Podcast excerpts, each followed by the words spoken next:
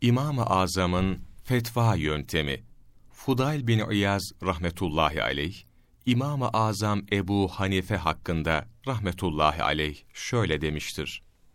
Ebu Hanife, fıkıhtaki başarısı ve takvasıyla tanınmaktaydı. Çevresindeki kimselere ikramda bulunan zengin bir kimseydi. Gece ve gündüz ilim öğretme konusunda son derece sabırlıydı. Kendisine helal ve haram konularında sorulan sorulara hemen cevap vermez, susmayı tercih ederdi. Daima doğru olanı tercih eder, ona davet ederdi. Yöneticilerin ikramlarından uzak dururdu. Kendisine sorulan meselelerde sahih bir hadis bulunursa onu esas alır, sahabe fetvaları varsa tercihte bulunur, bunlardan biri yoksa kıyas yapardı.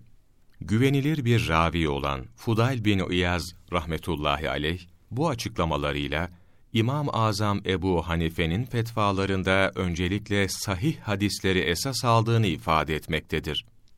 Sahih hadisleri esas alırdı şeklindeki beyanıyla, İmam-ı Azam Ebu Hanife'nin rahmetullahi aleyh, dönemindeki tüm hadisleri bildiğini açıklamaktadır.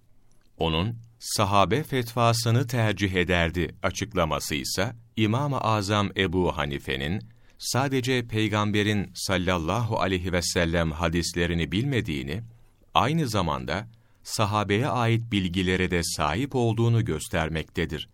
Böylece İmam-ı Azam Ebu Hanife rahmetullahi aleyh fıkıh usulünde de kullanılan daha fakih, daha bilgili ve Hazreti Peygamberle uzun süre birlikte bulunmak gibi kurallara göre sahabilerin fetvaları arasında tercihte bulunurdu.